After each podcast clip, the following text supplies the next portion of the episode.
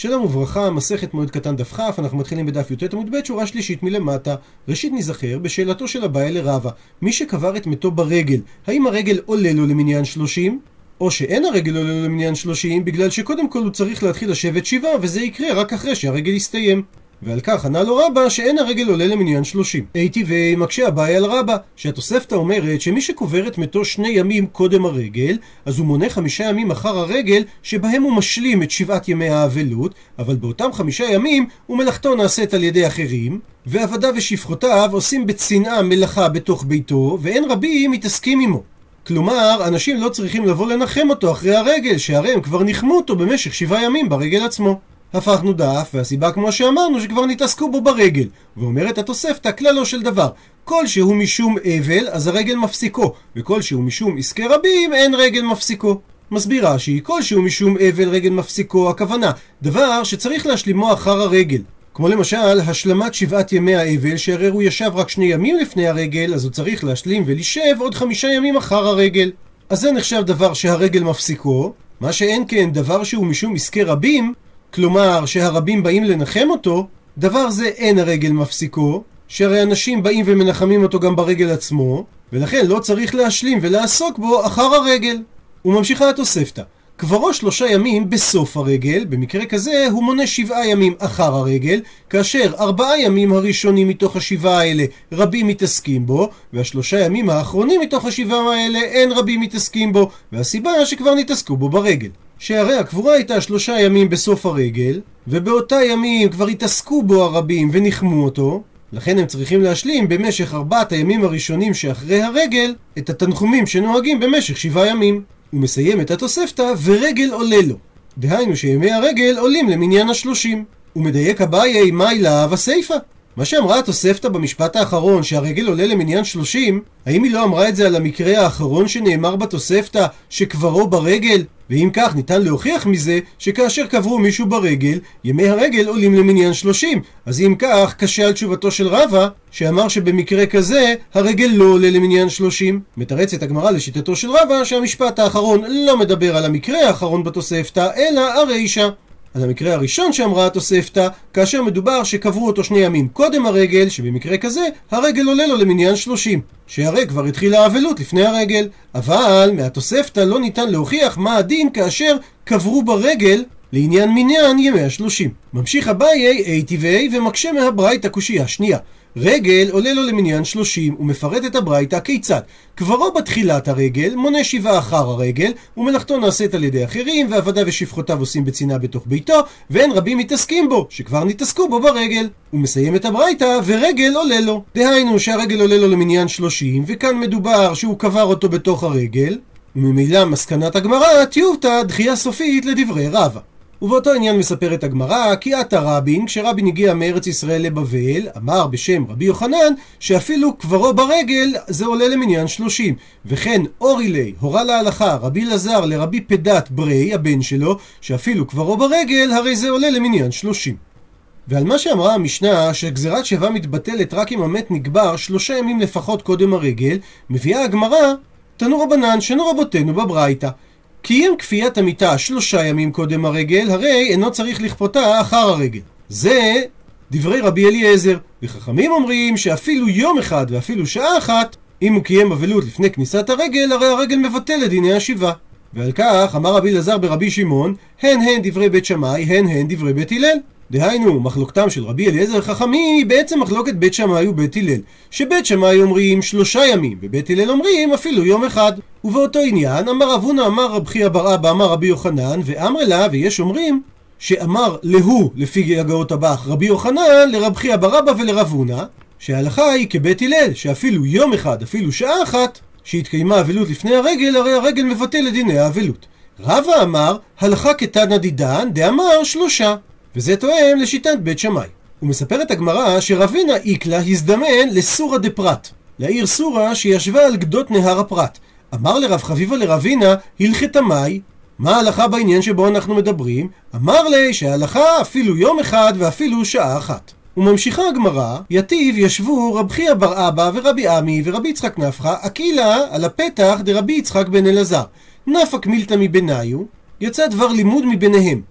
מניין לאבלות שהיא אורכת שבעה ימים, דכתיב שכתוב פסוק בעמוס, והפכתי חגיכם לאבל. אז יש פה השוואה בין החג לבין האבל, מה חג הוא שבעה ימים, אף אבלות שבעה ימים. שואלת הגמרא, ואימה, אולי תאמר שההשוואה צריכה להיות לחג עצרת, והאורך שלו דחד יומא. אז אם כך, גם אבלות הוא רק יום אחד. עונה הגמרא, ההוא מבעילי, ההשוואה לחג של יום אחד היא נצרכת לחדר אש לקיש, דאמר אש לקיש משום רבי יהודה נשיאה. מניין לשמועה רחוקה? דהיינו שהידיעה על האבל הגיעה אחרי זמן הקבורה, שאינה נוהגת אלא יום אחד בלבד, דכתיב, וזה אכן נלמד מהפסוק הזה, והפכתי חגיכם לאבל. ואשכחן עצרת דאיקרא חד יום החג. ומצאנו שהעצרת, שזה חג השבועות, זה יום אחד, ובכל זאת קוראים לו חג.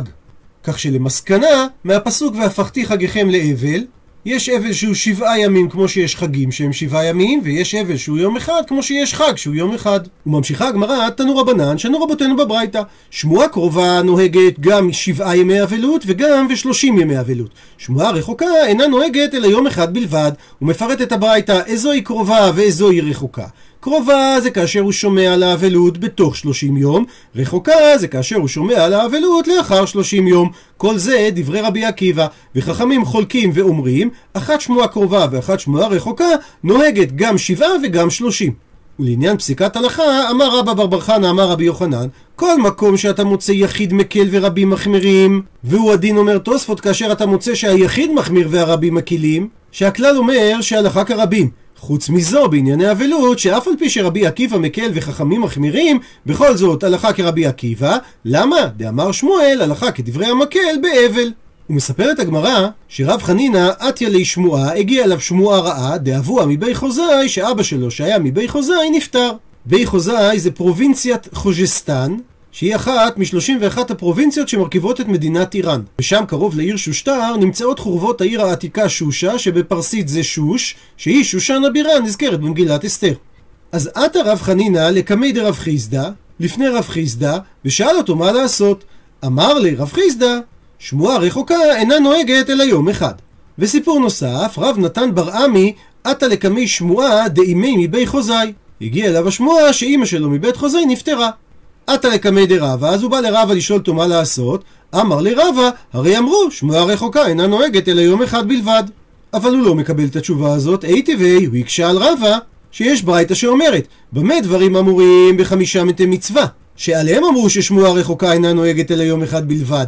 אבל שמועה על אביו ועל אמו, היא נוהגת תמיד שבעה ושלושים. אמר לי, עונה לו רבה, שהברייתא הזאת יחידה היא שיטת יחיד ולא סבירה לנקבתי ואנחנו לא סוברים כמו השיטה הזאת להלכה. הוא מוכיח לו רבא שזה אכן שיטת יחיד. דתניא שכך שנינו בברייתא. מעשה ומת אביו של רבי צדוק בעיר שנקראה בגינזק. כנראה מדובר על העיר גוזן שמוזכרת במקרא חמש פעמים למשל בספר מלכים היא מוזכרת כאחת הערים שעליה הוגלו תושבי ממלכת ישראל.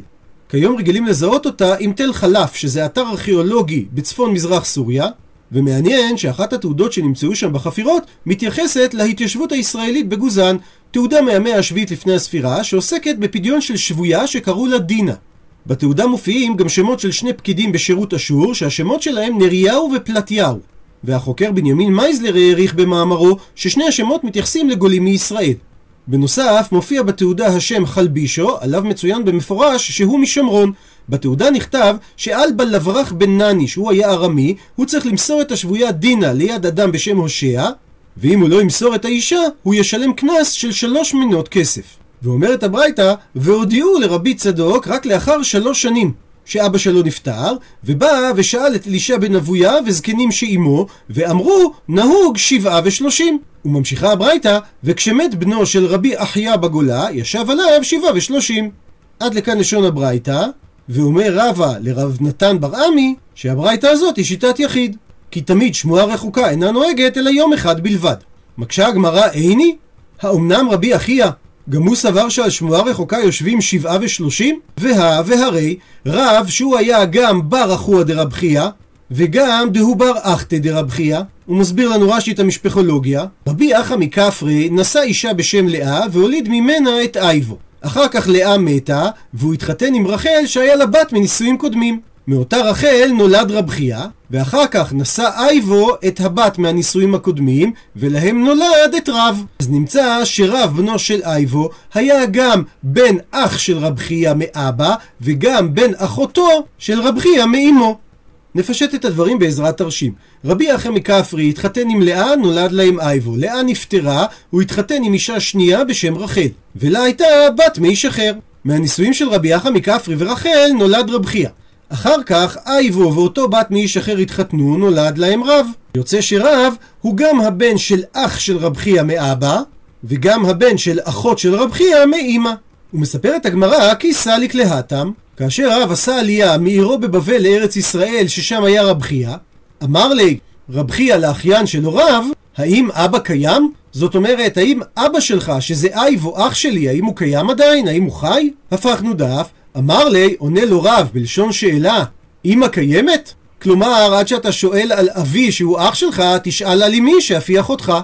אמר לי, אז אומר לו רב חייא לרב, אמא קיימת? דהיינו, אמך שאחותי, האם היא בחיים? אמר לי, עונה לו רב, אבא קיים. דהיינו, עוד לא עניתי לך לשאלה הראשונה, האם אבא בחיים? וממילא הבין רב חייא ששני ההורים של רב, דהיינו גם אחיו מאבא וגם אחותו מאם נפטרו, אמר לי לשמי, אז הוא אומר לשמה שלו, חלוץ לי מן עליי, כדי שהוא יתאבל על אחיו ועל אחותו, והולך אחריי כלי לבית המרחץ. ועל ידי כך הוא רצה ללמד את הרבים הלכה, שאין שמועה רחוקה שמגיעה לאחר 30 יום ממקרה הפטירה נוהגת, אלא רק יום אחד.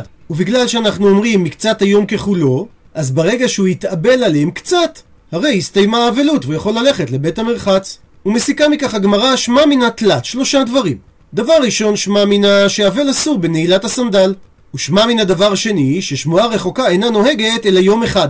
ושמע מן הדבר שלישי, שמקצת היום ככולו. והגמרא מבינה שיש זהות בין רבי חייא לבין רבי אחיה, ואם כך יש סתירה, כי כאן יצא לנו שלפי רב חייא שמועה רחוקה אינה נוהגת אלא יום אחד, ובסוף העמוד הקודם אמרנו שכשמת בנו של רבי אחיה בגולה, והוא הרי היה בארץ ישראל, אז זה שמועה רחוקה והוא ישב עליו שבעה ושלושים. מתרצת הגמרא, רבי חייא לחוד, רבי אחיה לחוד. לא מדובר על אותו אדם, רבי אחיה אכן סובר כדעת היחיד, שבשמועה רחוקה יושבים גם שבעה וגם שלושים, רב חייא סובר ששמועה רחוקה אינה נוהגת אלא יום אחד. וממשיכה הגמרא, אמר רבי יוסי בר אבין, מי ששמע שמועה קרובה ברגל, ולמוצאי הרגל נעשית רחוקה. דהיינו, כשהסתיים הרגל, עברו שלושים יום.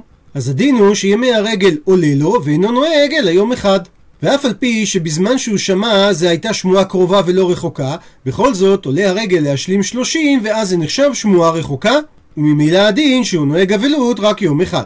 ובאותו עניין, תני רב עדה דמין קיסרי קמי לפני דרבי יוחנן, מי ששמע שמועה קרובה בשבת, ולמוצאי שבת נעשית השמועה רחוקה, דהיינו שבמוצאי שבת כבר בעצם מתחיל יום השלושים ואחד, אז זה כבר שמועה רחוקה, הדין שאינו נוהג אלא יום אחד. ושואלת הגמרא, בשמועה רחוקה הדין שקורע או אינו קורע?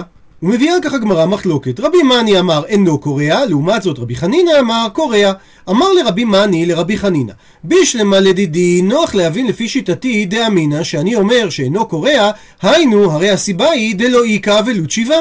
שהרי הוא נוהג עכשיו רק יום אחד אבלות כי זה שמועה רחוקה, ומשום שאין אבלות שבעה, אז גם אין דין קריאה. אלא לדידך, אבל לשיטתך, דאמרת קורע, קריאה בלא שבעה מי איכא? האם יש דבר כזה שעושים קריאה בבגד בלי לשבת שבעה? שואלת הגמרא, ולא? האם אין מציאות כזאת שעושים קריאה גם בלי לשבת שבעה?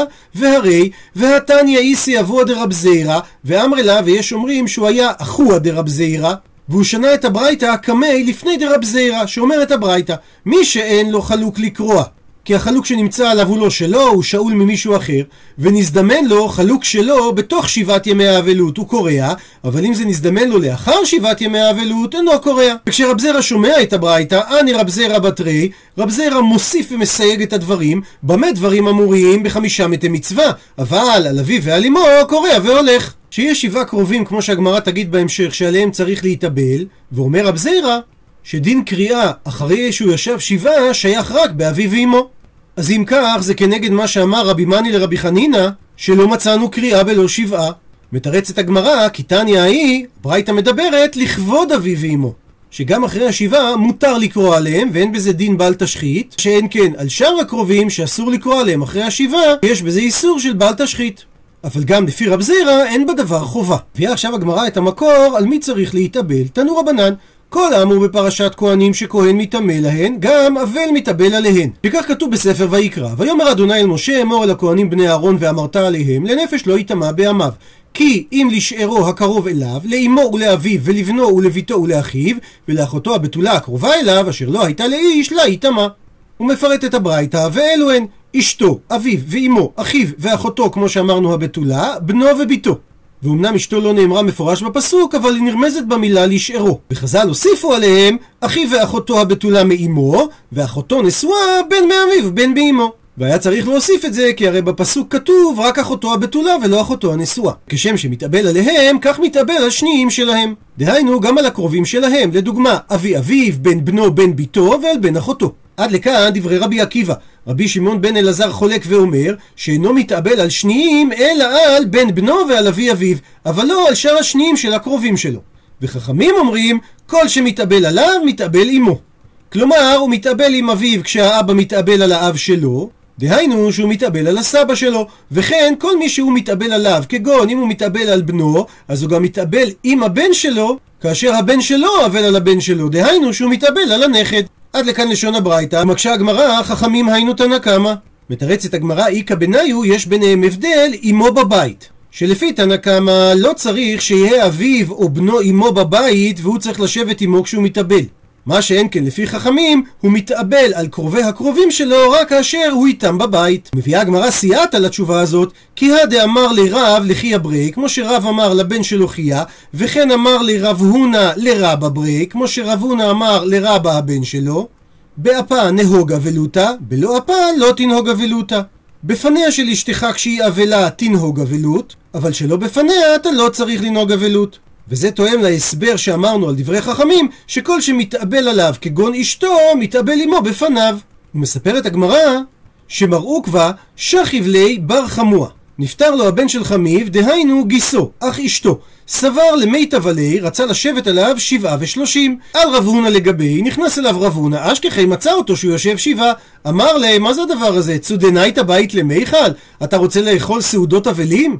הרי לא אמרו שאדם צריך לשבת שבעה לכבוד אשתו, אלא כשמדובר שחמי וחמותו נפטרו. והוכחה לדבר דתניא, ששנינו בברייתא, מי שמת חמיו וחמותו אינו רשאי לקוף את אשתו להיות כוחלת ולהיות פוקסת. דהיינו, הוא לא יכול להכריח אותה ולצפות ממנה שהיא תתאפר ותתקשט, אלא כופה מיתתו ונוהג עם האבלות. ולחילופין, וכן היא שמת חמיה או חמותה, אינה רשאה להיות כוחלת ולהיות פוקסת, אלא כופה מיתתה ונוהגת עמו אבלות. ומצד שני, ותניא אידך, יש ברייתא אחרת שאומרת, אף על פי שאמרו אינו רשאי לקוף את אשתו להיות כוחלת ולהיות פוקסת, באמת אמרו שהוא מוזגת לו את הכוס ומצאת לו מיטה ומרחצת לו פניו ידיו ורגליו. והרי שתי הברייתות, קשיא נעדה די, הן סותרות זו את זו. שבראשונה אמרת שכאשר חמיו או חמותו נפטרו הוא כופה מיטתו, ובשנייה אמרת שאשתו מצאת לו את המיטה, זה אומר שהוא לא כופה את מיטתו. אלא לאו שמע מינה, אלא בהכרח אתה צריך לתרץ ולומר, כאן בחמי וחמותו, כאן בשאר קרובים. שאדם צריך להתאבל כאשר חמי וחמותו נפטרו, והוא לא צריך להתאבל כאשר שאר קרוביה נפטרו. מביאה הגמרא סייעת על הדבר, תניא נמי אחי, שנינו כך גם בברייתא, לא אמרו לכבוד אשתו, אלא חמי וחמותו בלבד. עד לכאן דף כ'.